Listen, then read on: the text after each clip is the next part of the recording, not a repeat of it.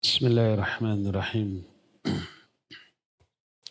السلام عليكم ورحمة الله وبركاته.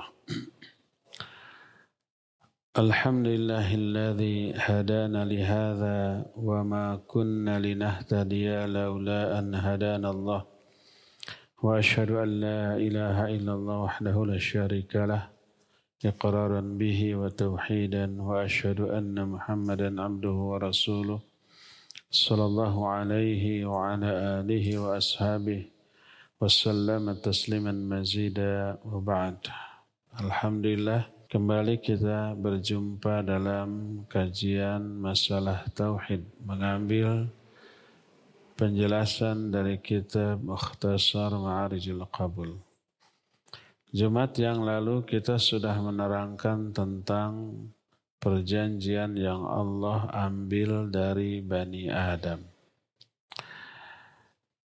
Kita masuki bab awal dari kitab ini berbicara tentang at-tauhid wa aqsamuhu, tauhid dan jenis-jenisnya. Dari segi metodologi pembahasan ada dua cara menjelaskan tauhid. Cara yang pertama adalah tauhid dibagi kepada tiga jenis. Pertama tauhid ar-rububiyah, kedua tauhid al-uluhiyah, ketiga tauhid asma wa sifat. Ini sudah sering kita terangkan. Tauhid ar-rububiyah adalah mengesahkan Allah dalam hal kerububiahan Allah. Tauhid artinya mengesahkan. Contohnya meyakini Allah satu-satunya Rabb. Allah satu-satunya pencipta, Allah satu-satunya pengatur alam jagat raya ini, Allah satu-satunya yang mematikan, yang menghidupkan, yang memberi madarat, yang memberi maslahat, dan yang sejenisnya. Itu tauhid ar-rububiyah.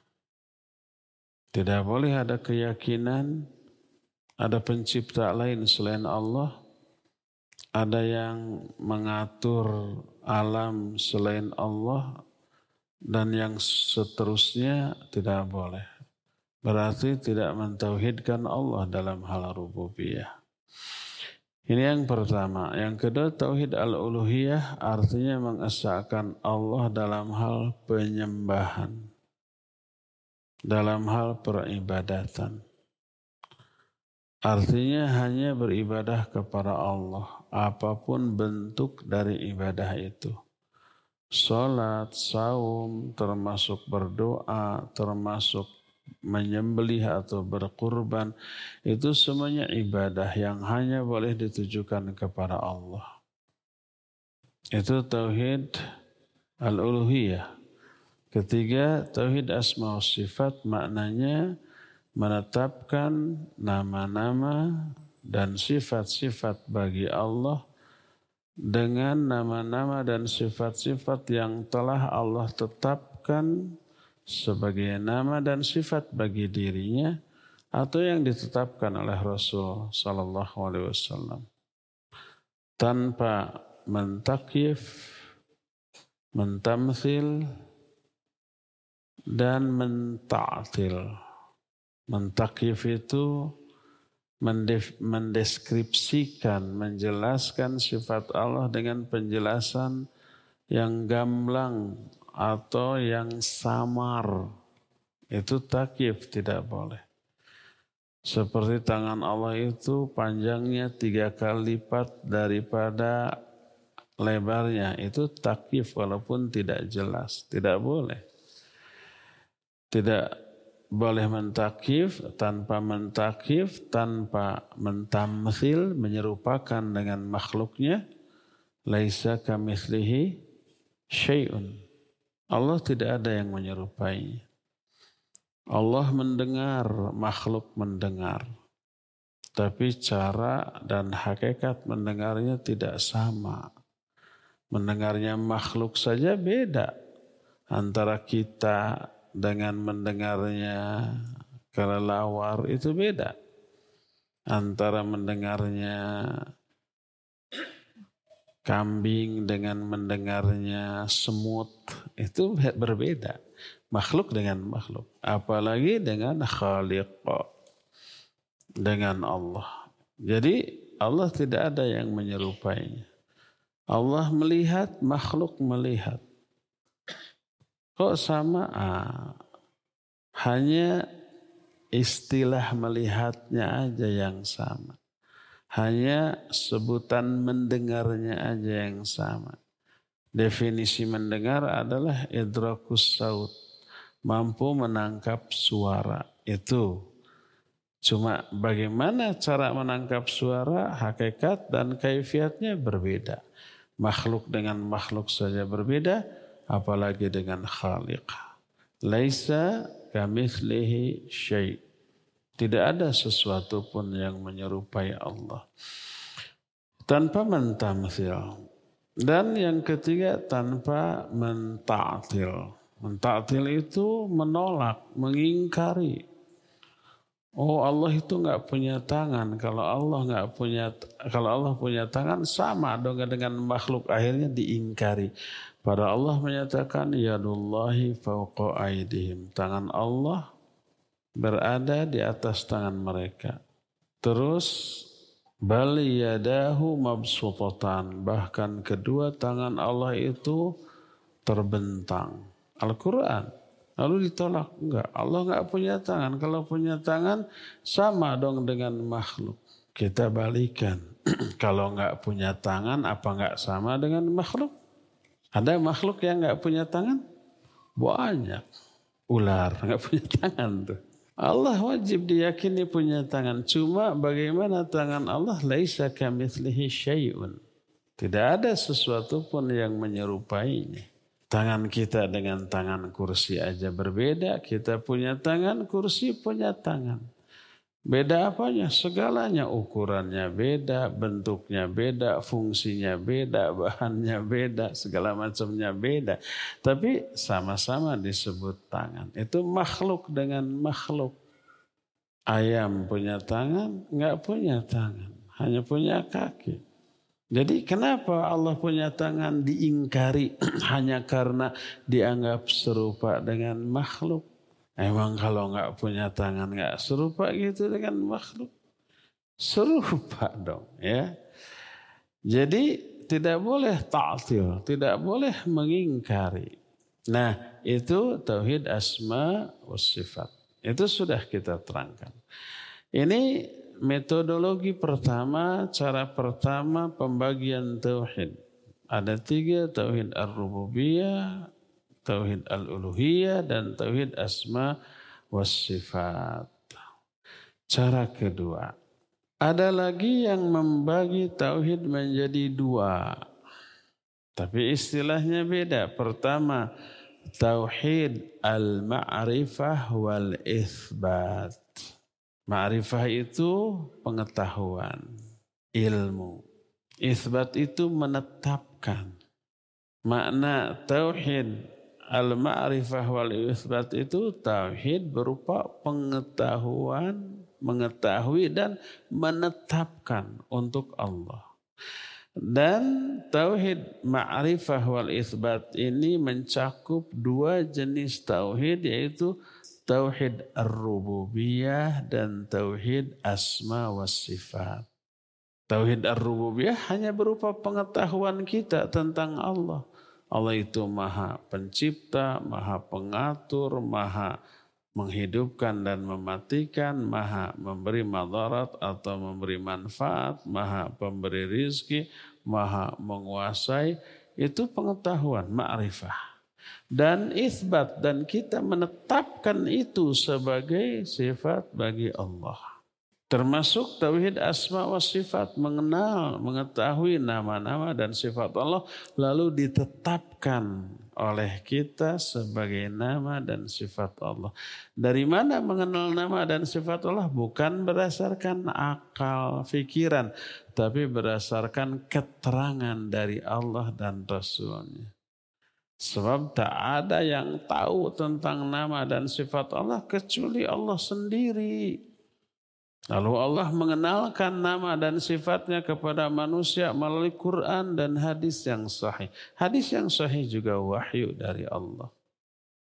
Nggak bisa nama dan sifat Allah ditetapkan berdasarkan akal, perasaan, dugaan, rabaan. Enggak.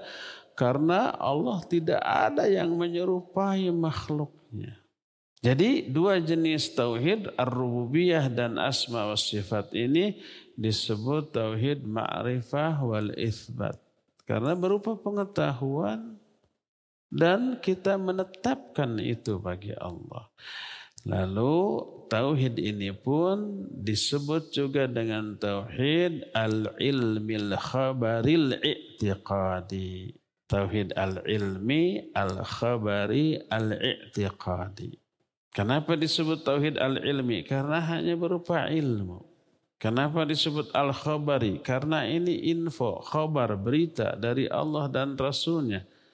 Kenapa ini disebut i'tiqadi? Sebab menjadi keyakinan yang tertancap dalam diri kita tentang apa yang kita ketahui tentang Allah tersebut.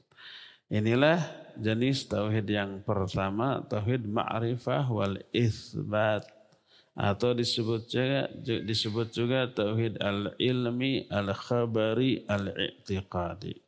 Jenis kedua, tauhid at-talab wal qasad. Tauhid at-talab. At-talab itu tuntutan. Al-qasad itu tujuan. Ini yang dituntut oleh Allah. Ini yang menjadi tujuan dari Allah. Apa? Tauhid al-talab wal qasad inilah tauhid al-uluhiyah. Yaitu beribadah hanya kepada Allah. Mengesahkan Allah dalam hal peribadatan. Inilah yang dimaksud, inilah yang dituntut oleh Allah dan itulah yang menjadi tujuan tujuan Allah mengenalkan dirinya kepada kita agar kita dalam menyembahnya, dalam beribadah ini disertai dengan bekal ilmu tentang yang kita sembah. Makanya nanti ketika menyembahnya disertai dengan perasaan khauf, roja, bukan roja radio, Raja artinya berharap, juga mahabbah, juga ikhlas, juga tawakal, juga khasyah, dan seterusnya. Karena dari pengenalan terhadap nama dan sifat Allah, perasaan-perasaan yang tadi disebutkan, sifat-sifat yang tadi disebutkan kepada Allah bakal muncul. Ada mahabbah kepada Allah, ada khauf, ada roja, ada khasyah, ada rahbah, ada khusyuk, ada ikhlas, ada tawakal, ada macam-macam. Buah dari pengetahuan kita kepada Allah. Nah jadi tauhid at-talab wal qasad adalah tauhid al-uluhiyah atau disebut juga tauhid ibadah. Tauhidul ibadah mentauhidkan Allah dalam hal ibadah ini menjadi tuntutan dari Allah kepada kita dan yang menjadi tujuan Allah. Kenapa Allah menciptakan kita? Kenapa Allah mengenalkan dirinya kepada kita? Wa ma khalaqatul jinna wal insa illa liya'budun. Atau sebutan bagi tauhid at-talab wal qasad disebut juga at-tauhidut talabil qasadi al-iradi. Sama lah maknanya dengan yang tadi ya. Itulah dua cara menjelaskan tauhid. Hanya beda cara, intinya sama. Baik membagi tiga tauhid kepada rububiyah, uluhiyah, asma, sifat. Ataupun dibagi dua tauhid ma'rifah wal ithbat dan tauhid at-talab wal qasad. Itu rinciannya seperti yang poin pertama tadi. Hanya beda metodologi, beda cara gitu ya. Tapi intinya sama. Nah, Ini yang diterangkan oleh para ulama di antara Al-Imam Ibn Qayyim rahmatullahi alaih ketika menerangkan masalah tauhid. Sebelum merinci penjelasan tauhid lebih detail.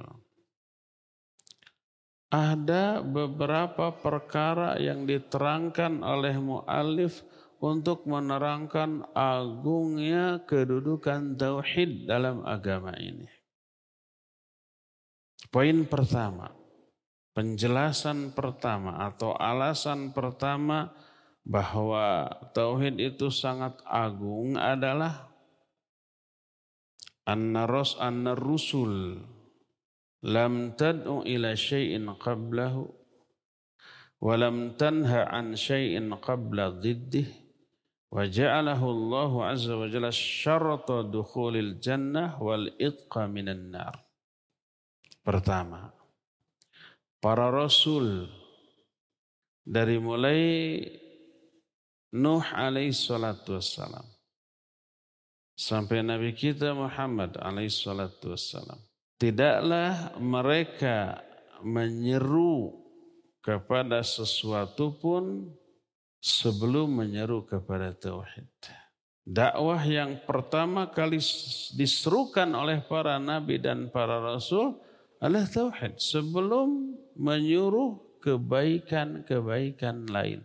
Sebelum turun perintah sholat, saum, haji atau umroh, infak atau sodakoh, zakat. Sebelum turun perintah untuk melakukan kebaikan yang lainnya. Ini tauhid terlebih dahulu.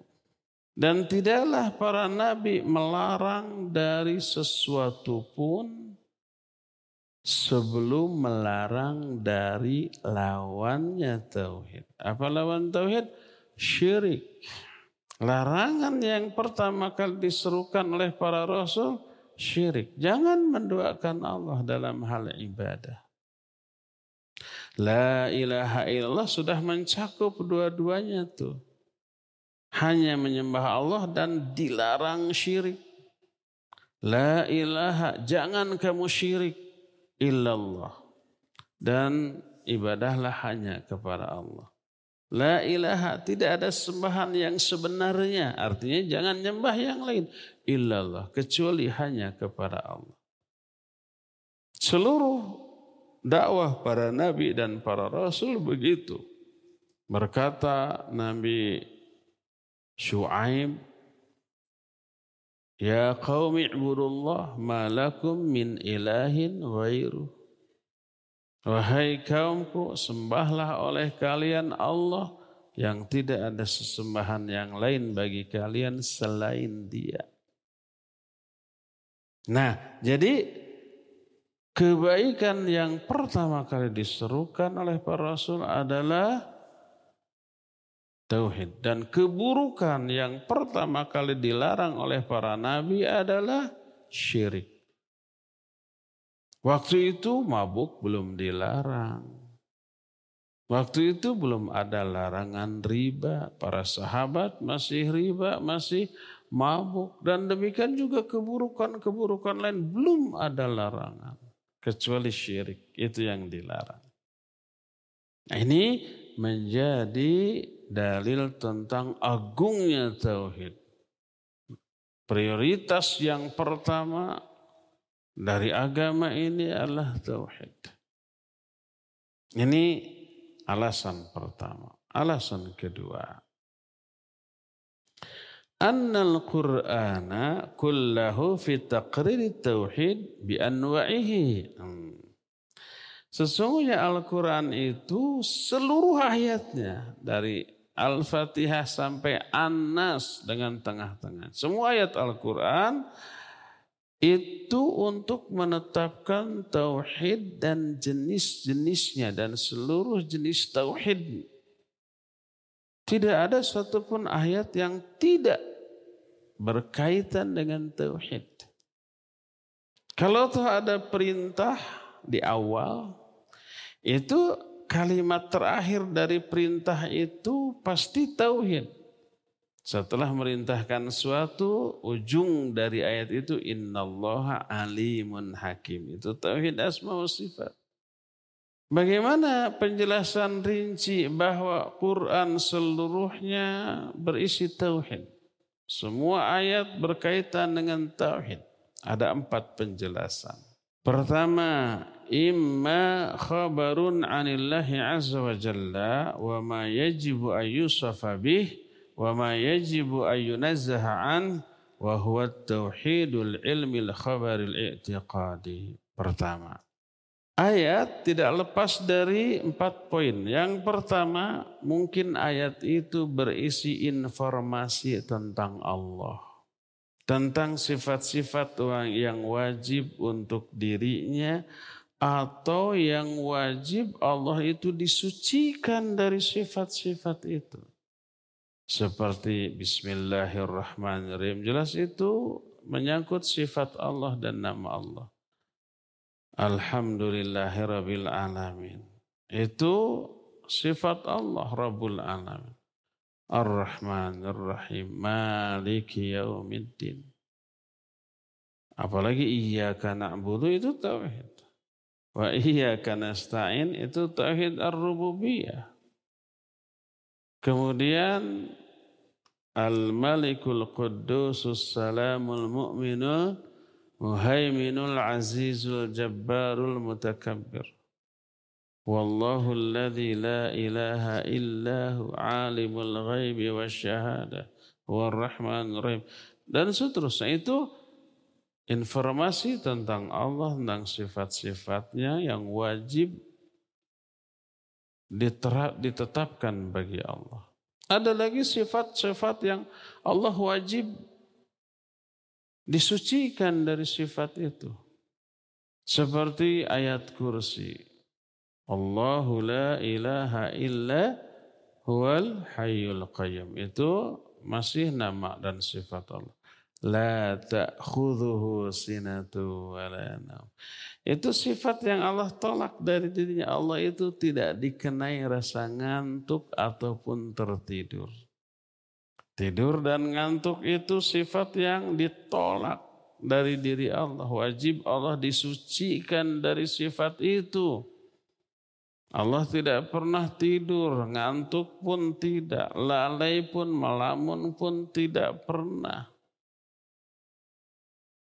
Nah, jadi ini kemungkinan pertama. Ada ayat ayat mungkin yang berkaitan dengan asma dan sifat Allah. Kedua, wa imma da'watun ila ila ibadatihi wahdahu la syarikalah wa khala'a ma yu'badu min dunih wa huwa tauhidut talabil iradi. Kedua, mungkin ada ayat yang isinya ajakan untuk beribadah hanya kepada Allah dan tidak menyekutukannya dan berlepas diri dari segala sesembahan selain Allah. Contohnya ya ayyuhal ya ayyuhan nasu ubudu rabbakumul ladzi khalaqakum Al-Baqarah ayat 21. Hei manusia sembahlah oleh kalian Allah yang telah menciptakan kalian dan orang-orang sebelum kalian. Ini yang kedua.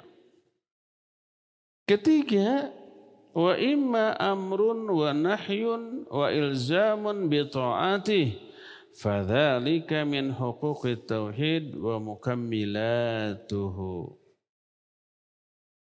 Kedua, eh, ketiga, mungkin ayat tersebut berisi perintah ataupun larangan.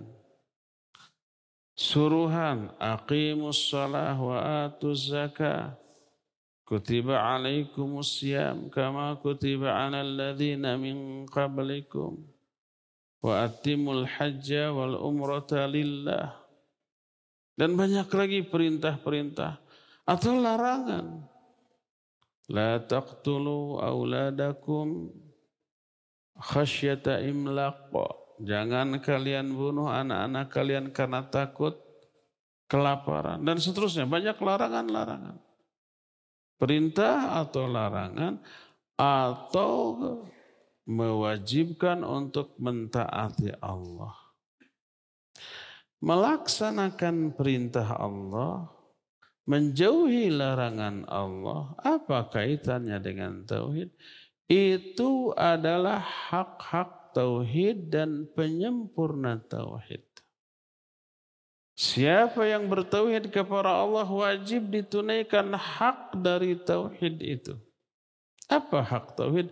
Lakukan perintah dari zat yang kita tauhidkan dan jauhi semua larangan-larangannya.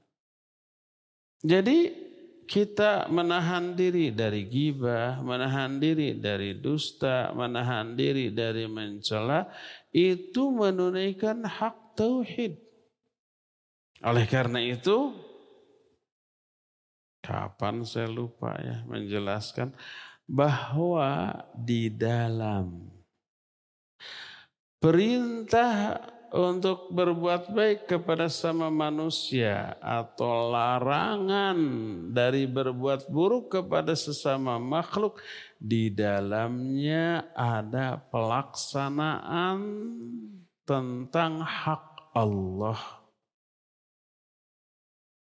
Kalau kita langgar larangan tersebut, melanggar hak Allah.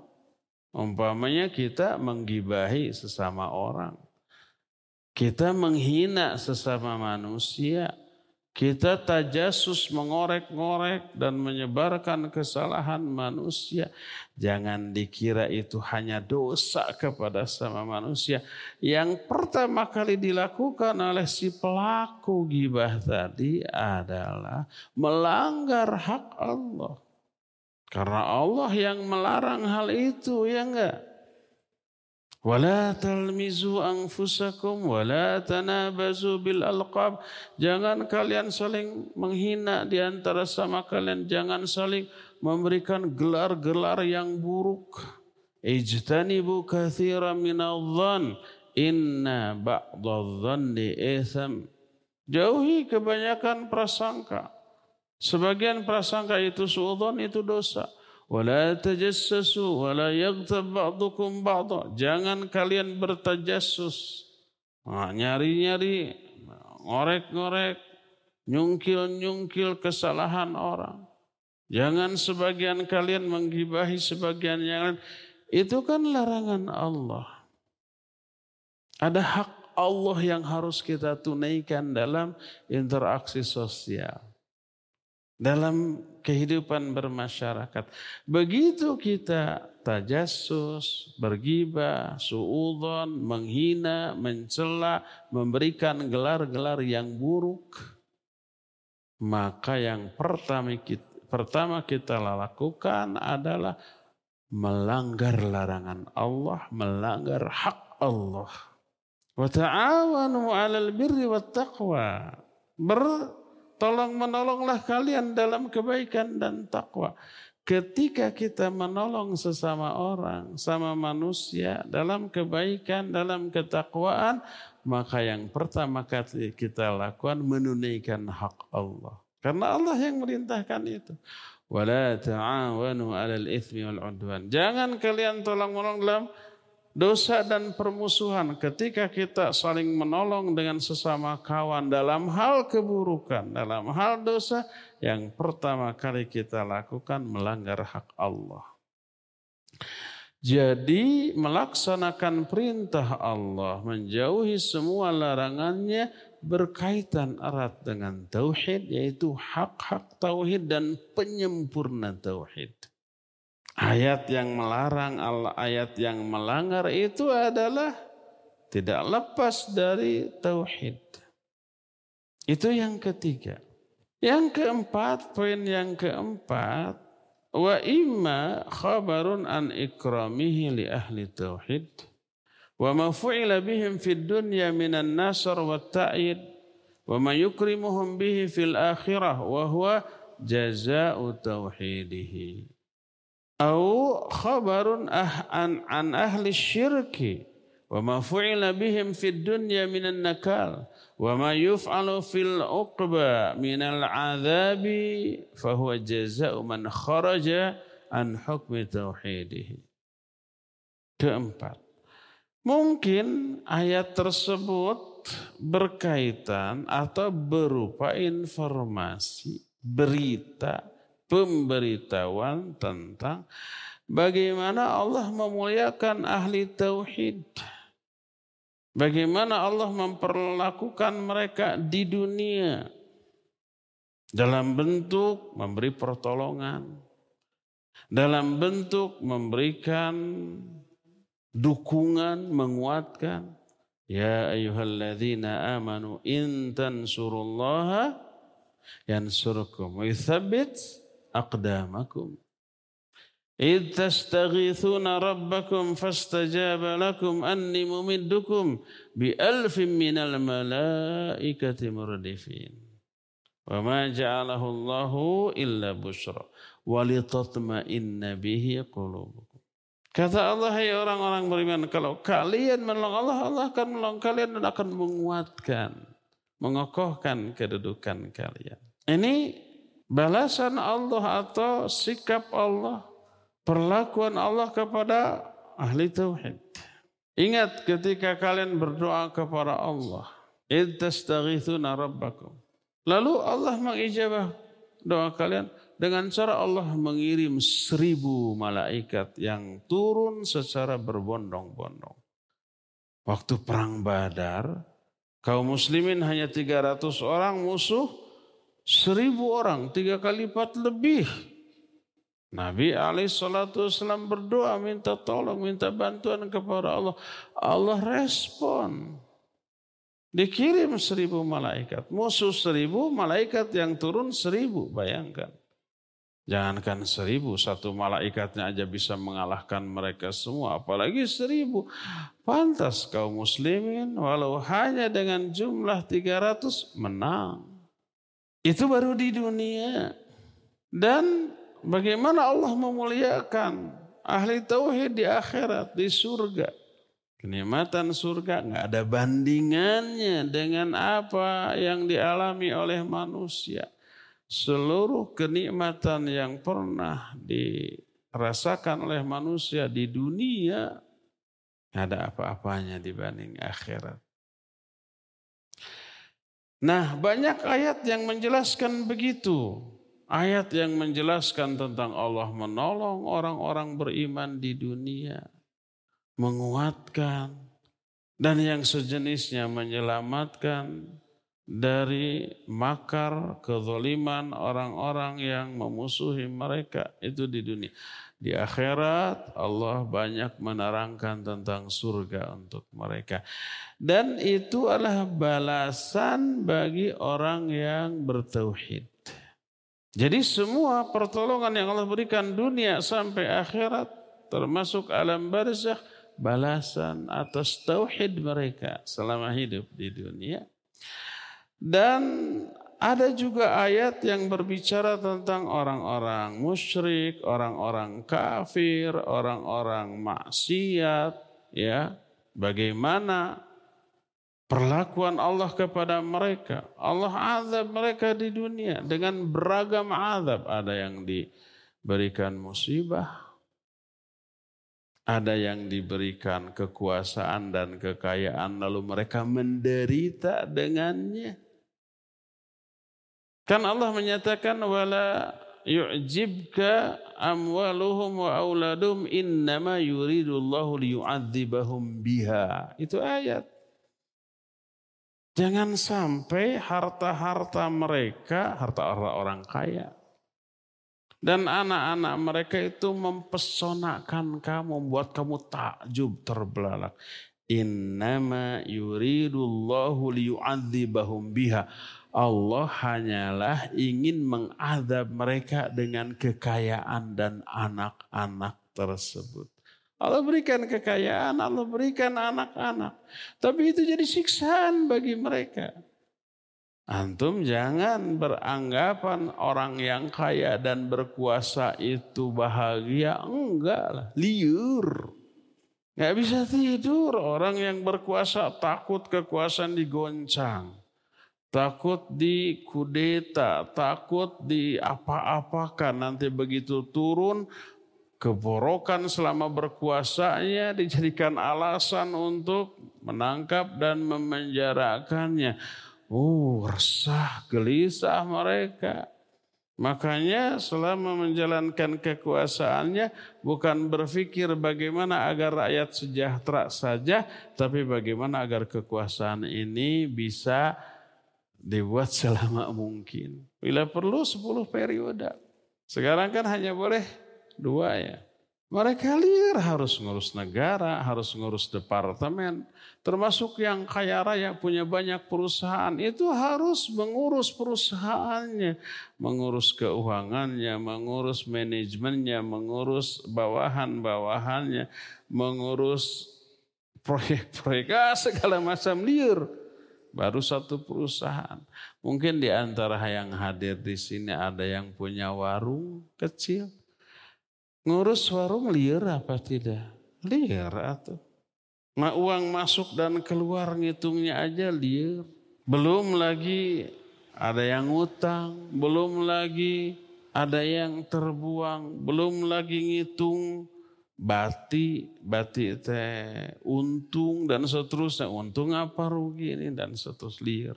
Apalagi banyak bang. Teradab secara psikis. Teradab secara fisik, iya udah capek tuh. Punya kekuasaan, punya banyak uang, capek.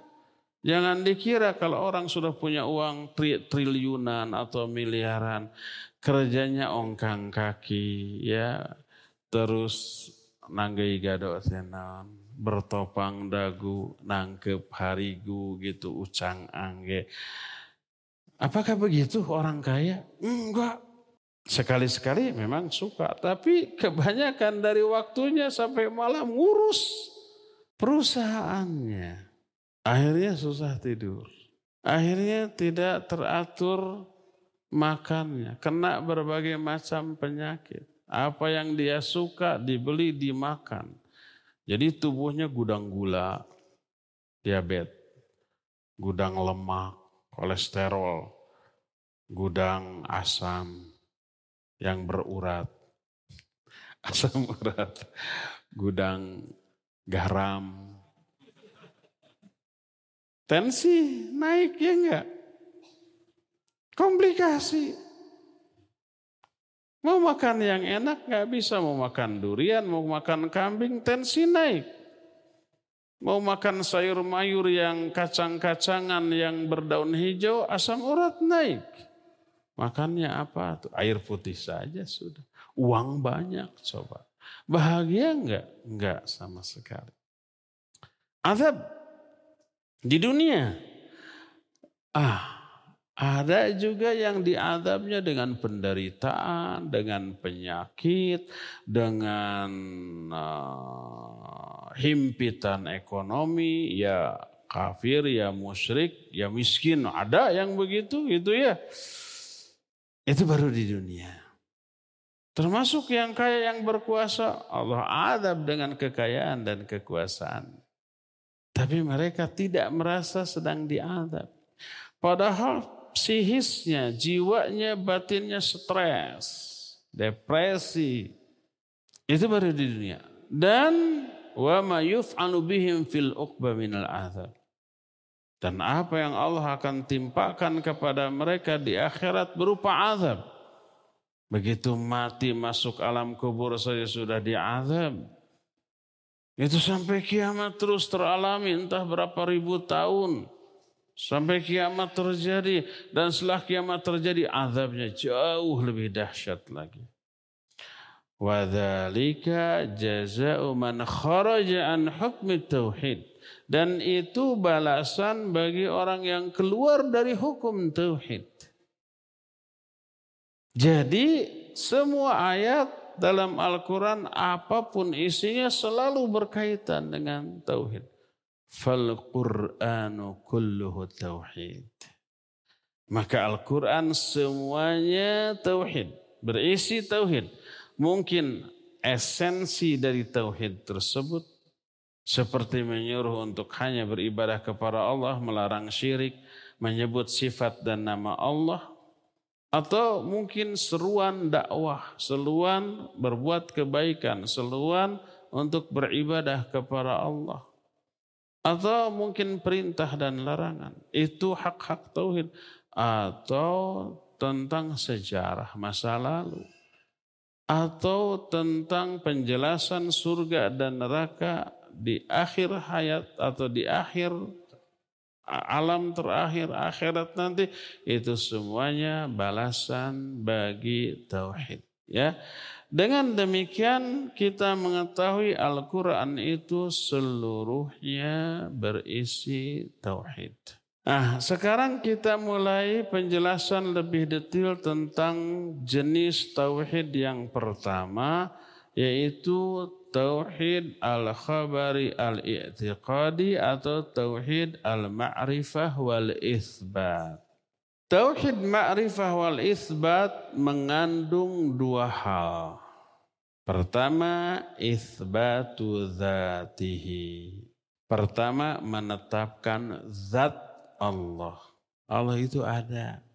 Walaupun tidak terjangkau oleh panca indera, karena kesempurnaan Allah dan super lemahnya kita. Kalau ada sesembahan yang bisa terjangkau oleh panca indera di dunia, itu sembahan yang lemah. Allah tidak terlihat, tidak terdengar, tidak terjangkau, tidak teraba, karena saking sempurnanya Allah, dahsyatnya Allah, hebatnya Allah dan lemahnya kita, kita nggak akan mampu mata ini melihat mata melihat Allah di dunia. Telinga ini nggak akan mungkin mampu mendengar suara Allah di dunia. Nabi Musa kan pernah melihat, eh, pernah meminta ingin melihat Allah ya. Kalau lalu kata Allah, kamu coba lihat tuh gunung itu. Kalau gunung itu tetap pada tempatnya, kamu bisa melihat aku. Tiba-tiba beleduk, jeleger. Si gunung itu apa? Hancur berkeping-keping. Sampai Nabi Musa pingsan karenanya. Nggak mampu gunung itu. Allah memiliki hijab berupa cahaya. Hijab itu yang menghalangi pandangan makhluk terhadap Allah. Yang apabila hijab itu disingkapkan, niscaya seluruh alam jaga atau mak alam jagat raya atau makhluk yang terlihat oleh pandangan mata Allah akan hancur akan musnah. La tudrikuhul absar wa huwa yudrikul. Allah itu tidak bisa dijangkau oleh pandangan manusia. Tapi itu di dunia. Beda lagi nanti dengan di akhirat. Kelemahan, beberapa kelemahan kita di akhirat dicabut. Baik ahli surga ataupun ahli neraka. Kelemahan dari banyak hal. Di sini kita melemah dan menua ya. Di sana nggak ada tua-tuanya, nggak ada lemah-lemahnya. Di sini kita ngantuk, capek, lalu tidur. Di sana nggak ada ngantuk, nggak ada capek, makanya ahli surga tidak tidur. Loh, bukankah tidur itu enak? Kenapa di surga tidak tidur? Enak teh bagi yang lemah. Lemah, merasakan capek, merasakan ngantuk, Butuh tidur ya tidur nikmat. Tapi coba bagi orang yang segar bugar. Suruh tidur daliur tuh. Kalau tidur itu nikmat secara hakiki saya kita seharian mending tidur atau kalau libur banyak. Enggak, liur tidur teh. Apalagi di saat kita harus bersenang-senang, Terus kita tidur. Ah rugi banget itu ya. Rugi. Maka ahli surga tidak tidur. Apa kerjanya? Senang-senang terus. Happy-happy. Kelemahan manusia dicabut. Dari beberapa aspek mereka tidak mati, mereka tidak sakit, mereka tidak lelah, mereka tidak tua, mereka tidak mengalami kesedihan, kecemburuan, keburukan apa pun tidak. Nah itu di akhirat. Makanya di akhirat ahli surga bisa melihat Allah Azza wa Jalla tanpa madarat sedikit pun. Jadi yang pertama dari tauhid ma'rifah wal isbat adalah isbatu dzatihi, menetapkan zatnya. Dalam arti Allah itu ada, Allah itu eksis walaupun tidak terjangkau. Dan inilah yang dengan istilah lain disebut tauhid ar-rububiyah. Menetapkan zat Allah termasuk bagian dari tauhid ar-rububiyah. Dan nanti kita akan bahas. Meyakini adanya Allah itu sesuatu yang logis, rasional, masuk akal. Sebaliknya, Mengingkari adanya Allah itu sebuah kebodohan. Sebuah keyakinan yang tidak masuk akal, tidak realistis, tidak logis, tidak tidak bisa diterima oleh akal pikiran orang. Atau jangankan adanya Allahnya. Sekarang gini, ini gelas di tangan saya. Kalau saya mengatakan gelas ini nggak ada yang bikin, nggak ada yang buat jelek gue ada di sini. Nggak ada yang bikinnya, nggak ada yang buatnya. Cuk tiba-tiba. Ada yang percaya? Nggak ada yang percaya. Dusta, bohong, nggak masuk akal. Gelas ada dengan sendiri. Ini pasti ada yang buat. Dan yang buatnya bukan sembarangan, ahli, makanya bagus gitu kan. Herang, ngagenclang, terus simetris gitu ya, bulat. Ah pokoknya mah bagus aja. Makanya laku dijual. Sebab sesuatu tidak mungkin ada tanpa ada yang membuatnya. Walaupun yang kecil sekecil gelas. Makanya kalau ada orang yang mengatakan gelas ini tidak ada yang membuatnya, ini nggak masuk akal. Nggak realistis, nggak logis, nggak rasional. Pasti ada yang bikin. Lalu saya bilang, gelas ini tidak ada yang membawakan ujuk-ujuk jelek gue dengan airnya. Percaya? Nggak percaya. Pasti ada ya tadinya kosong, diisi gitu, entah nggak tahu dicuci enggaknya. Diisi terus dibawa ke sini gitu ya.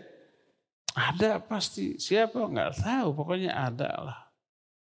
Walaupun kita tidak tahu orangnya, nggak peduli, pasti ini ada orang yang bikin, ada yang menuangkan airnya, ada yang membawanya ke sini dengan tujuan tertentu pasti juga agar saya minum. Nanti insya Allah saya minum. Ini baru kecil. Simple, kecil. Bayangkan alam jagat yang gede, teratur, berjalan selama entah ribuan atau jutaan tahun yang lalu sampai hari kiamat dengan benda-benda besar, ada matahari, ada bulan, ada bintang, ada berbagai macam planet yang katanya jumlahnya miliaran atau triliunan. Mereka beredar pada orbitnya dengan kecepatan yang tertentu, dengan garis edar yang tetap, tidak melenceng, dan jarak satu planet dengan planet lain itu begitu klop, begitu pas, tidak saling mendekat sampai berbenturan, tidak saling menjauh sehingga lepas tidak ada lagi gaya tarik menarik. Konon antara matahari dan bulan dan bumi yang kita injak juga jaraknya itu harus pas. Mendekat sedikit kebakar ini bumi, menjauh sedikit Baku ini semua kehidupan di bumi kan gitu ya. Itu beredar entah berapa ribu tahun atau juta tahun yang lalu. Konon katanya usia dunia sudah jutaan tahun. Allahu a'lam. Mustahil ini ada dengan sendirinya dan mustahil tidak dimanage, tidak diatur. Pasti ada yang bikin dan setelah bikin tidak tidak culjen bahasa Sunda ya tidak suljen itu tidak dibuat lalu dibiarkan begitu saja. Pasti diatur, dimanage, dipelihara. Dengan manajemen yang super sempurna. Siapa yang membuat dan memanajenya? Dialah Allah Azza. Jadi meyakini adanya Allah itu sesuatu yang sangat rasional, logis dan masuk akal. Mengingkari adanya Allah dan meyakini dunia ini bleg ada dengan sendirinya, berjalan dengan sendirinya, sama aja dengan menyatakan gelas ini jeleg ada dengan sendirinya, jalan sendiri, nuangin air sendiri di sini, kemudian main celok di sini sesuatu yang mustahil dan tidak masuk akal. Nah, jadi tauhid ma'rifah wal isbat pertama isbatu dzatihi menetapkan zat Allah taala dan itu tauhid ar-rububiyah. Yang kedua isbatu asma'ihi wa sifatihi. Menetapkan nama-nama dan sifat bagi zat tadi. Dan ini tauhid asma was sifat. Ah, poin pertama yang kita akan jelaskan adalah argumentasi, dalil, alasan tentang keberadaan Allah bahwa Allah itu ada bahwa Allah itu eksis. Dan Al-Quranul Karim memberi obat dan bimbingan kepada orang yang meragukan keberadaan Allah Subhanahu wa taala. Dibimbing dengan cara disuruh mentadaburi, menelaah, memikirkan alam dan juga dirinya. Perhatikan alam, jagat raya. Perhatikan diri sendiri. Wa fi anfusikum afala tubsirun. Dirimu tuh, tidakkah kamu perhatikan? Nah, di antara ayat-ayat Allah dalam Al-Quran yang membimbing manusia untuk meyakini keberadaan Allah adalah pertama. Al-Quran surah Tur ayat 35 sampai 37. Allah berfirman, Am khuliqu min ghairi syai'in am humul khaliqun. Apakah mereka ini diciptakan padahal sebelumnya tidak ada ataukah mereka menciptakan diri sendiri? Sesuatu ada karena tiga kemungkinan. Kemungkinan pertama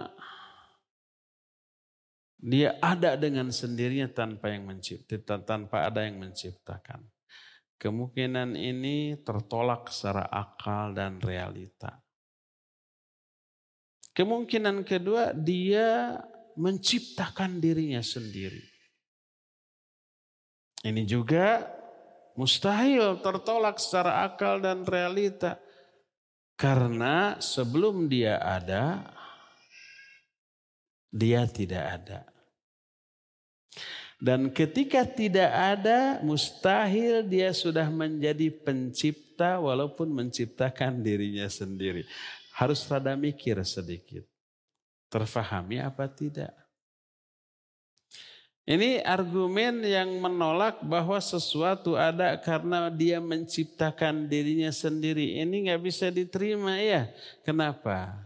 Karena sebelum dia ada, dia tidak ada dan ketika tidak ada mustahil dia sudah menjadi pencipta walaupun menciptakan dirinya sendiri ya. Ngerti apa? Faham. Ngerti dan faham. Jadi dua kemungkinan ini tertolak. Kemungkinan ketiga suatu ada karena ada yang mengadakannya. Ada yang membuatnya, ada yang menciptakannya. Dan inilah yang rasional, yang masuk akal, yang realistis. Maka Allah mengungkit, menyentil hal ini. Kata Allah, am khuliqu min ghairi am. Apakah mereka itu diciptakan padahal sebelumnya tidak ada atau mereka menciptakan diri sendiri. Mikir, Menciptakan diri sendiri nggak mungkin. Oh pasti ada yang menciptakan. Secara naluriah langsung melahirkan keyakinan iya. Saya nggak mungkin ada dengan sendirinya. Tapi saya ada karena diciptakan. Dalam Sahih Bukhari dan Sahih Muslim dari Jubair bin Mut'im radhiyallahu an. Waktu itu dia masih musyrik, masih kafir. Tapi dia mendengar Rasul Sallallahu Wasallam dalam sholat maghrib membaca surah Tur. Surah ke 52 ya, surah Tur. Ketika sampai kepada ayat 35 sampai 37 Allah menyatakan Am khuliqu min ghairi syai'in am humul khaliqun? Am khalaqus samawati wal arda bal la yuqinun? Am indahum khazainu rabbika am humul musaitirun Apakah mereka diciptakan padahal tadinya tidak ada atau mereka menciptakan diri mereka sendiri atau apakah mereka yang menciptakan langit dan bumi hmm, mereka sendiri tidak yakin atau apakah mereka memiliki perbendaharaan ilmu Allah atau mereka yang dikuasai oleh Allah? Berkata Jubair bin Mut'im, kada qalbi ayyatir. Hampir-hampir hatiku melayang terbang mendengar ayat ini. Ayat ini bahasa Arab, Jubair bin Mutim orang Arab pasti faham dengan nilai balaghahnya. Dengan nilai sastra yang terkandung di dalam ayat yang dia dengar. Dan itu awal mula pertama kali tertancapnya iman dalam hatiku. Inilah dalil pertama tentang keberadaan Allah Azza wa Jalla. Bahwa manusia tidak mungkin ada dengan sendirinya, tidak mungkin menciptakan dirinya, termasuk alam jagat raya, tidak mungkin ada dengan sendirinya, tidak mungkin mereka menciptakan dirinya sendiri, tapi pasti ada yang mengadakannya dan menciptakannya dan dialah Allah Azza wa Jalla. Ini dalil atau argumen pertama. Argumen yang kedua, Jumat depan kita akan bahas karena masih banyak poin-poinnya sedangkan waktu yang kita miliki sudah habis.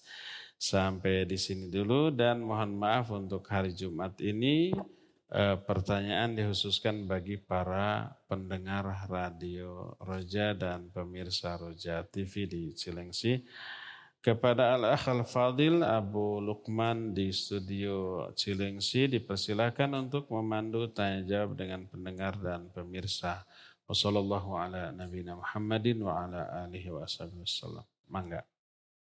Jazakallahu khairan kami sampaikan kepada Al-Ustaz Abu Haidar As-Sundawi Hafizahullah Ta'ala yang telah memberikan nasihatnya kepada kita dan kami undang Anda para pemirsa dan mendengar roja di mana pun Anda berada untuk berinteraksi secara langsung dari sesi tanya jawab Anda dapat melayangkan pertanyaan melalui pesan WhatsApp di nomor 081 989 6543 atau melalui line telepon di nomor 021 823 6543. Baik pertanyaan pertama Ustadz, kita akan angkat pertanyaan melalui pesan WhatsApp.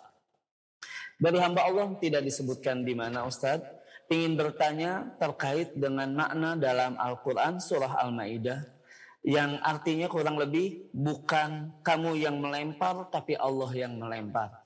Pertanyaan Ustadz, apakah ini termasuk penjelasan terkait tauhid dan kalau termasuk termasuk dalam tauhid apa? Dan pekerjaan Allah melempar ini Bisakah dikiaskan dengan pekerjaan yang lain seperti memanah, memukul dan lain sebagainya? Mohon penjelasannya. Taib, barakallahu fiik. Ayat tersebut bukan terdapat dalam surah Al-Maidah. Tapi dalam surah Al-Anfal. Allah menyatakan wa ma ramaita id ramaita walakinnallaha rama. Kata Allah, bukan kamu yang melempar, akan tapi Allah lah yang melempar. Apakah ini termasuk ayat tentang tauhid? Iya. Tauhid yang mana? Itu termasuk jazaun jazaut tauhid fid dunya. Balasan bagi orang yang bertauhid di dunia.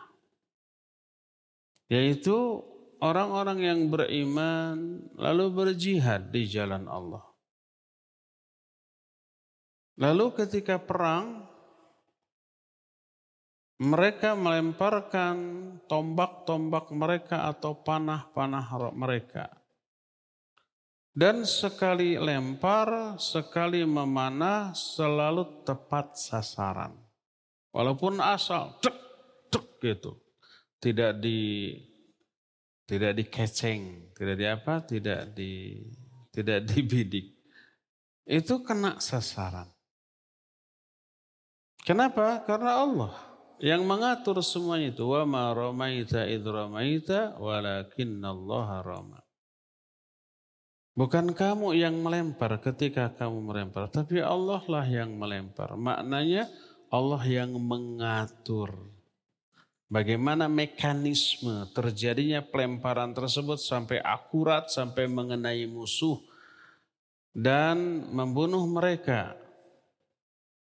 Jadi ini termasuk di antara apa? jaza tauhid fid dunya. Balasan bagi orang yang bertauhid di dunia berupa apa? Pertolongan dari Allah Subhanahu wa taala. Sesuai dengan firman Allah, "Intan surullaha yansurukum wa yuthabbit aqdamakum." Kalau kamu menolong agama Allah, Allah akan menolong kamu dan akan memantapkan, menguatkan kedudukan kamu. Ya, demikian. Wallahu a'lam bishawab. Silakan lagi. Baik Ustaz, masih pertanyaan yang tadi Ustaz, apakah bisa dikiaskan tadi Ustaz? Apakah pekerjaan melempar dikiaskan dengan pekerjaan yang lain seperti memanah, memukul dan sebagainya Ustaz? Iya, Roma itu bisa melempar batu, bisa melempar panah, bisa melempar tombak, melemparkan senjata. Bisa dikiaskan kalau ke zaman sekarang kan sudah nggak ada lagi panah, nggak ada lagi tombak, tapi yang ada adalah senapan mesin. Sama, iya sama. Sekarang berperang untuk kaum muslimin dengan orang kafir dengan rudal, dengan basoka, dengan senjata mesin. Akurasinya bisa akurat, bisa tidak, bisa kena, bisa tidak. Tapi bagi seorang muslim yang berjihad di jalan Allah karena iman dan keikhlasan, Allah akan tolong. Intan surullaha surukum. Kalau kamu menolong Allah, Allah akan menolong kamu. Jadi apa yang dikatakan dalam ayat ini bukan hasr. Hasr itu uh, hanya melempar dengan tombak saja tidak. Tapi mimbabi tamsil. Hanya dalam rangka memberi contoh. Jadi memberi contoh dengan lemparan tombak saat itu. Tapi berlaku bagi semuanya. Pedang ke, atau sekarang senapan mesin ke, atau sekarang umpamanya rudal dan seterusnya ya. Seorang muslim yang berjihad dalam rangka li'ilai kalimatillah untuk membuat kalimah Allah tinggi melawan orang-orang kafir yang akan menghancurkan agama dan kaum muslimin ini Allah akan tolong, Allah akan bantu. Salah satu bentuk bantuan pertolongannya itu adalah ah wa ma ramaita id ramaita walakin Allah harama ya sama ini dengan granat ke dengan uh, peluru ke dengan uh, basoka dengan tank dengan rudal insya Allah sama. Wallahu a'lam. Silakan lagi. Jazakallahu khairan Ustaz atas penjelasannya. Dan berikutnya kita coba angkat penanya melalui line telepon di 021 823 6543. Kami persilahkan. Assalamualaikum. Waalaikumsalam warahmatullahi wabarakatuh. Dengan siapa di mana Bapak? Dengan Budi di perjalanan. Baik, silakan Bapak Budi. Ya, uh, Ustadz mau tanya, uh, kalau kita memberi paving block di sisi-sisi kuburan, jadi kan kalau misalnya antar kuburan itu ada ada tanah lebih ya, itu kita paving block karena kalau musim hujan itu becek itu hukumnya apakah uh, masuk ke hukum membangun kuburan atau bagaimana Ustaz? Mohon nasihatnya Ustaz. Itu saja. Assalamualaikum warahmatullahi wabarakatuh. Waalaikumsalam warahmatullahi wabarakatuh. Jazakallahu khairan Bapak Budi. Silakan Ustaz. Afan menaruh apa tadi di kuburan? Paving block. Barakallahu fiqh. Men, men, mem, memasang paving block di kuburan. Maksudnya di pinggir atau di ya taib. Kita bahas saja. Melakukan upaya pertama agar ciri dari kuburan itu tidak hilang. Tidak hilang karena tergerus air hujan atau karena mungkin uh, ada orang yang bisa mengambil ciri tersebut kalau tidak permanen gitu ya. Akhirnya kita melakukan sesuatu untuk memberikan ciri bahwa itu kuburan dan itu kuburan dia. Boleh? Boleh. Umpamanya nisan yang ada nama. Hanya nama. Tidak perlu pakai tanggal lahir, tanggal wafat, gelarnya, kemudian prestasinya, jasa yang pernah dia berikan ke negara atau ke keluarga, nggak nggak perlu, hanya nama. Sebagai apa? Ciri bahwa itu kuburannya. Sebab kalau tidak pakai nama bisa aja tertukar ya, bisa begitu ke sana kok sama kuburannya dengan yang lain. Mana nih kuburan kerabat kita? Samar umpamanya maka boleh memberikan tanda. Tanda pertama bahwa itu kuburan, kedua bahwa itu kuburan dari kerabat kita, mungkin orang tua, mungkin sahabat atau siapa. Baik dengan nama ataupun dengan tanda sesuatu yang menunjukkan itu kuburannya, ya. Ada itu sebatas itu. Adapun mempaving blok seluruh kuburannya, maka itu melebihi dari kebutuhan. Jadi kebutuhan yang kita inginkan hanyalah mengetahui pertama bahwa itu kuburan, yang kedua bahwa itu kuburan dari orang yang kita maksud. Hanya untuk tujuan itu. Adapun upaya yang berlebih seperti menembok atau mempaving blok gitu ya atau kuburannya itu sekelilingnya sekelilingnya di di apa namanya dipakai tanda dengan bata atau paving lock dan seterusnya itu melebihi dari kebutuhan pokok. Nanti dikhawatirkan merembet, ah kagok tengahnya aja juga akhirnya di paving block, ah kagok akhirnya terus di semen dan seterusnya bisa berlanjut begitu. Jadi cukup dengan memberikan satu tanda bahwa itu kuburan dan itu adalah kuburan orang yang kita maksud. Jangan lebih dari hal itu. Wallahu a'lam. Silakan lagi. Jazakallahu khairan Ustaz atas penjelasannya dan berikutnya pertanyaan melalui pesan WhatsApp kembali Ustaz dari Bapak Adit di Pondok Kelapa di Jakarta Timur. Pertanyaan Ustaz, kakek saya meninggal dan dikuburkan secara agama lain Ustaz oleh salah satu anaknya, dalam hal ini paman saya. Tetapi sebenarnya saat sakit, sebelum meninggal, beliau mengatakan kepada ayah saya bahwa akan tetap ikut agama ayah saya, yakni Islam. Dan sampai sekarang ayah masih yakin kalau ia kakeknya ayah kakeknya ini beragama Muslim. Dan masih didoakan walaupun dikuburkannya bukan dengan kuburan orang Islam dan masih ada tanda-tanda agama-agama lain Ustaz. Bagaimana hukum tentang masalah ini Ustaz? Mohon penjelasannya. Baik, barakallahu fiik. Pertama, setelah seseorang meninggal, maka urusan penguburan atau pengurusan jenazah sampai menguburkan adalah tanggung jawab orang yang masih hidup apa pun yang dilakukan oleh orang yang masih hidup kepada si mayit maka mayit tidak bertanggung jawab. Kecuali kalau si mayit memberi wasiat sebelum meninggalnya baru bertanggung jawab. Umpamanya kalau saya mati nanti saya tolong masukkan ke peti pakai dasi pakai jas nanti kuburan saya di tembok maka dia berdosa si mayit ini berdosa karena dia mewasiatkan sebuah kemungkaran setelah kematian. Lalu dilaksanakan, dia ikut berdosa. Tapi kalau tidak mewasiatkan, dia mati sebagai seorang muslim. Lalu diurus dengan cara pengurusan agama lain. Tidak dimandikan seperti cara mandi jenazah yang disyariatkan, tidak dikafani tapi pakai jas, pakai dasi umpamanya. Juga tidak disolatkan dan tidak dikuburkan di pekuburan kaum muslimin oleh orang yang masih hidup.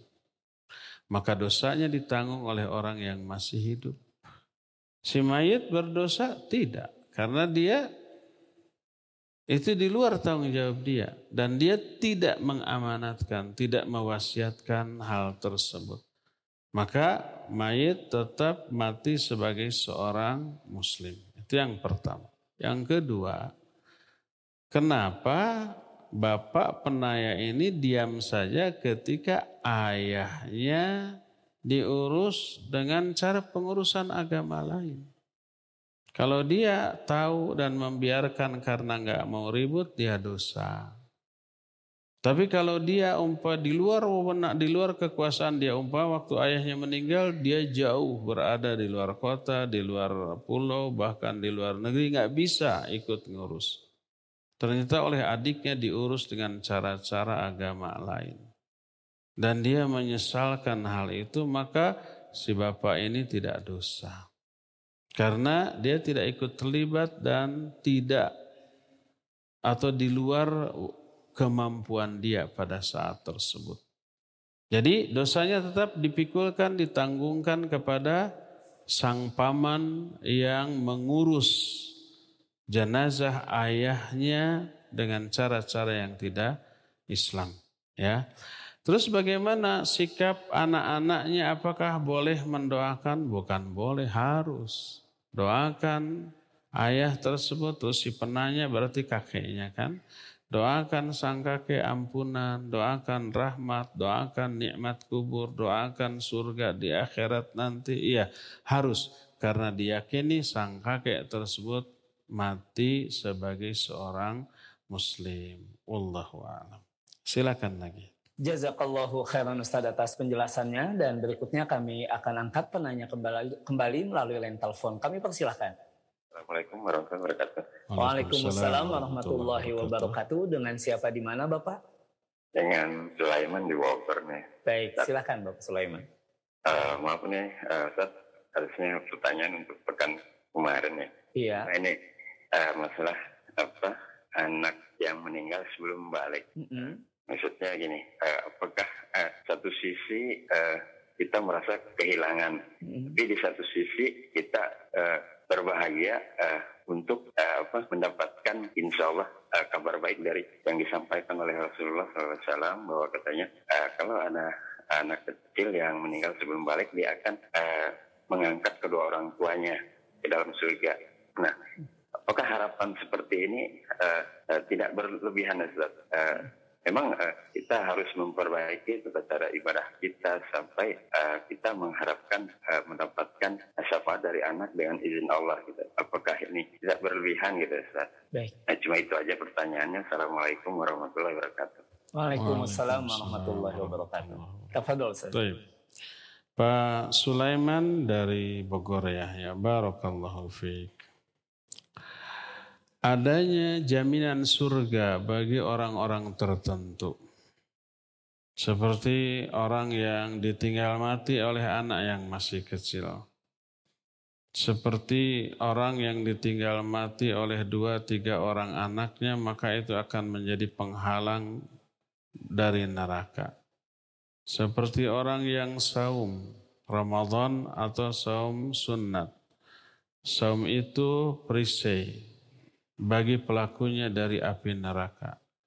Man soma yauman fi sabilillah. Siapa orang yang saum sehari saja di Allah, Allah akan jadikan atau akan jauhkan antara orang itu dengan neraka sejauh langit dan bumi.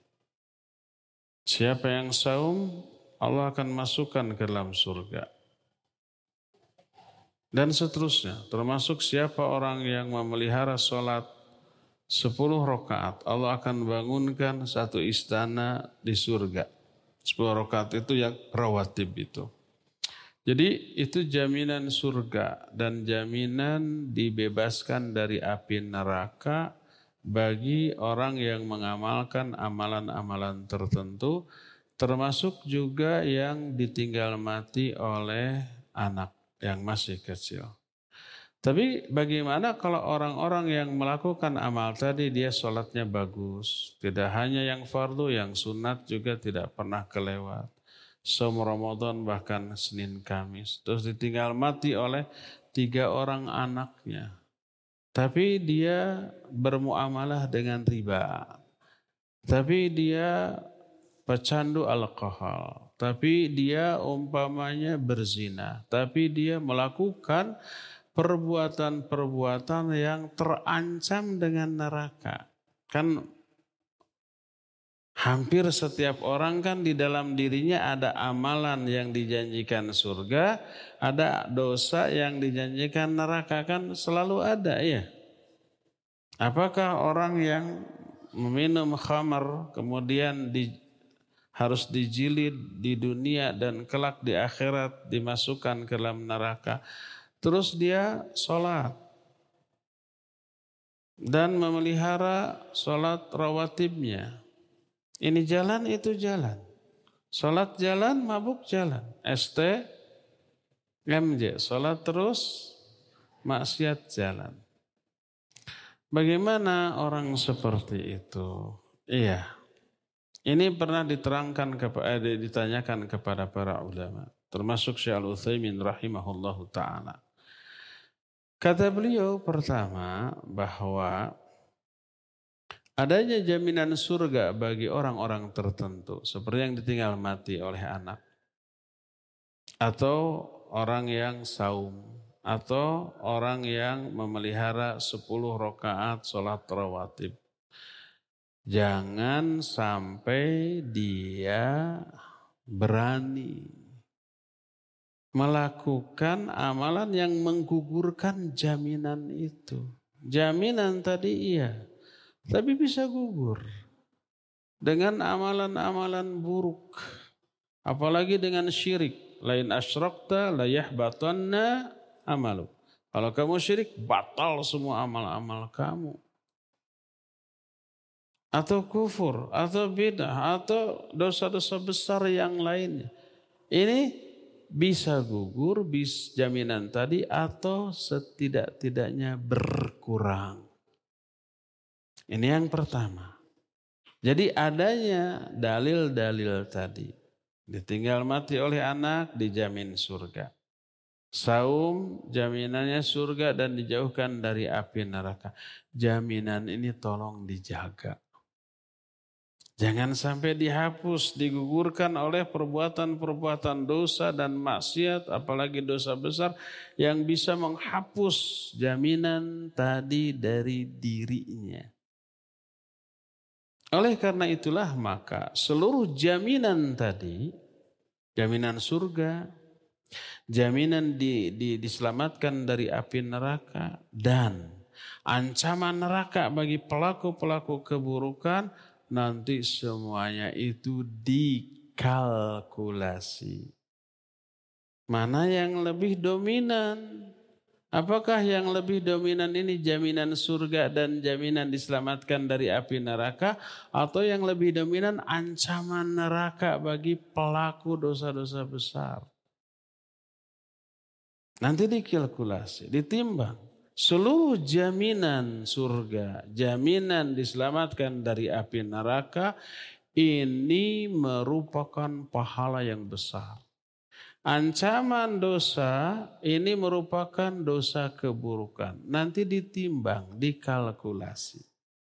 Karena dengan ayat fa amma man thaqulat mawazinu fahuwa fi 'ishati radiyah. Wa amma man khaffat mawazinu fa ummuhu hawiyah. Adapun orang yang berat timbangan amal kebaikan, dosanya ada. Tapi dosa ini lebih ringan daripada kebaikan. Dosanya lebih ringan, lebih berat ke pahalanya. Fahuwa fi isyati radiyah. Dia akan berada dalam kehidupan yang bahagia. Wa amma man khaffat mawazina adapun orang yang ringan kebaikannya. Ringan kebaikannya berarti dosanya lebih gede. Ancaman neraka bagi dia lebih berat daripada jaminan surganya. Fa ummuhu hawiyah. Tempat kembalinya di neraka hawiyah. Wa ma adraka Tahu nggak kamu apa kan neraka hawiyah itu narun hamiyah. Nah jadi adanya jaminan surga bagi orang-orang tertentu. Jaga jangan sampai ini gugur. Jangan sampai ini terhapus. Jangan sampai minimal ini berkurang oleh dosa-dosa dan kemaksiatannya adanya jaminan surga atau jaminan dijauhkan dari neraka harus membuat kita lebih hati-hati dalam berucap dan berperilaku. Jangan sampai ucapan atau perilaku kita ini menghapus, mengguguran, menggugurkan semuanya itu. Ingat kepada hadis yang diterima dari Abu Hurairah radhiyallahu an tentang dua orang bersahabat. Kata Nabi SAW ada dua orang sahabat. Satu ahli maksiat, satu ahli ibadah. Ketika ahli ibadah ini berkunjung kepada sahabatnya, dia sedang bermaksiat. Ditegur, ittaqillah. Wada'ma wada'ma ta'mal. Takutlah kamu kepada Allah dan tinggalkan amal yang sedang kamu lakukan. Apa jawabnya? Khalini wa rabbi biar ini urusan aku dengan Allah. Berpisah. Beberapa hari setelah itu datang lagi masih melakukan kemaksiatan yang sama. Ditegur lagi. Jawabannya sama. Sampai tiga kali. Setelah tiga kali sang ahli ibadah ini berkata, Wallahi la yaghfirallahu lak. Demi Allah, Allah tidak akan mengampuni dosa kamu. Ini kata si ahli ibadah. Di akhirat keduanya dipanggil. Allah menegur ahli ibadah man dalladhi yata'alla alayya annani la aghfira li fulan. Siapa? Yang waktu di dunia berani bersumpah atas namaku bahwa aku tidak akan mengampuni si fulan. Qad ghafartu lahu wa ahbatu amalak. Aku ampuni dosa si fulan ini dan aku gugurkan semua amalan kamu amalan ahli ibadah yang memfonis sahabatnya dengan fonis yang hanya layak dilakukan oleh Allah. Mengampuni dosa manusia itu wewenang siapa? Wewenang Allah, hak Allah. Direbut sama dia dengan mengataskenamakan Allah. Wallahi la yaghfirullahu lak. Demi Allah, Allah tidak akan mengampuni dosa kamu. Bayangkan. Ini ucapan ringan. Tapi menggugurkan semua kebaikan atau semua jaminan surga untuk dia karena amal-amal ibadah. Gugur dengan satu kalimat ringan. Kata Abu Hurairah, takallama bi kalimatin au baqat dunyahu wa akhiratahu. Orang ini sudah mengatakan satu kalimat yang menghancurkan dunia dan akhirat dirinya. Dengan ucapan tersebut pahalanya, kebaikannya, jaminan surganya dicabut oleh Allah. Nah, ini menunjukkan dosa, ucapan ataupun perbuatan. Sangat mungkin bisa menghapus garansi tadi. Maka orang yang sudah memiliki amalan-amalan atau penyebab dijaminnya dia dengan surga, dijaminnya dia dijauhkan dari api neraka, Jaga jaminan ini, garansi ini, pelihara. Jangan terhapus oleh dosa besar yang kita lakukan yang menyebabkan kita menyesal kelak. Jadi jangan mentang-mentang dah saya anak-anak saya semua 10 mati tenang. Mereka menunggu saya di pintu surga. Makanya nggak perlu ibadah, nggak perlu taat. Ah, ada yang begitu, itu salah faham terhadap hal ini ya. Demikian wallahu a'lam bishawab. Cukup ya sampai sini waktunya sudah habis. Subhanakallahum bihamdik asyhadu an la ilaha illa anta astaghfiruka wa atubu ilaik. Walhamdulillahi rabbil alamin. Wassalamu alaikum warahmatullahi wabarakatuh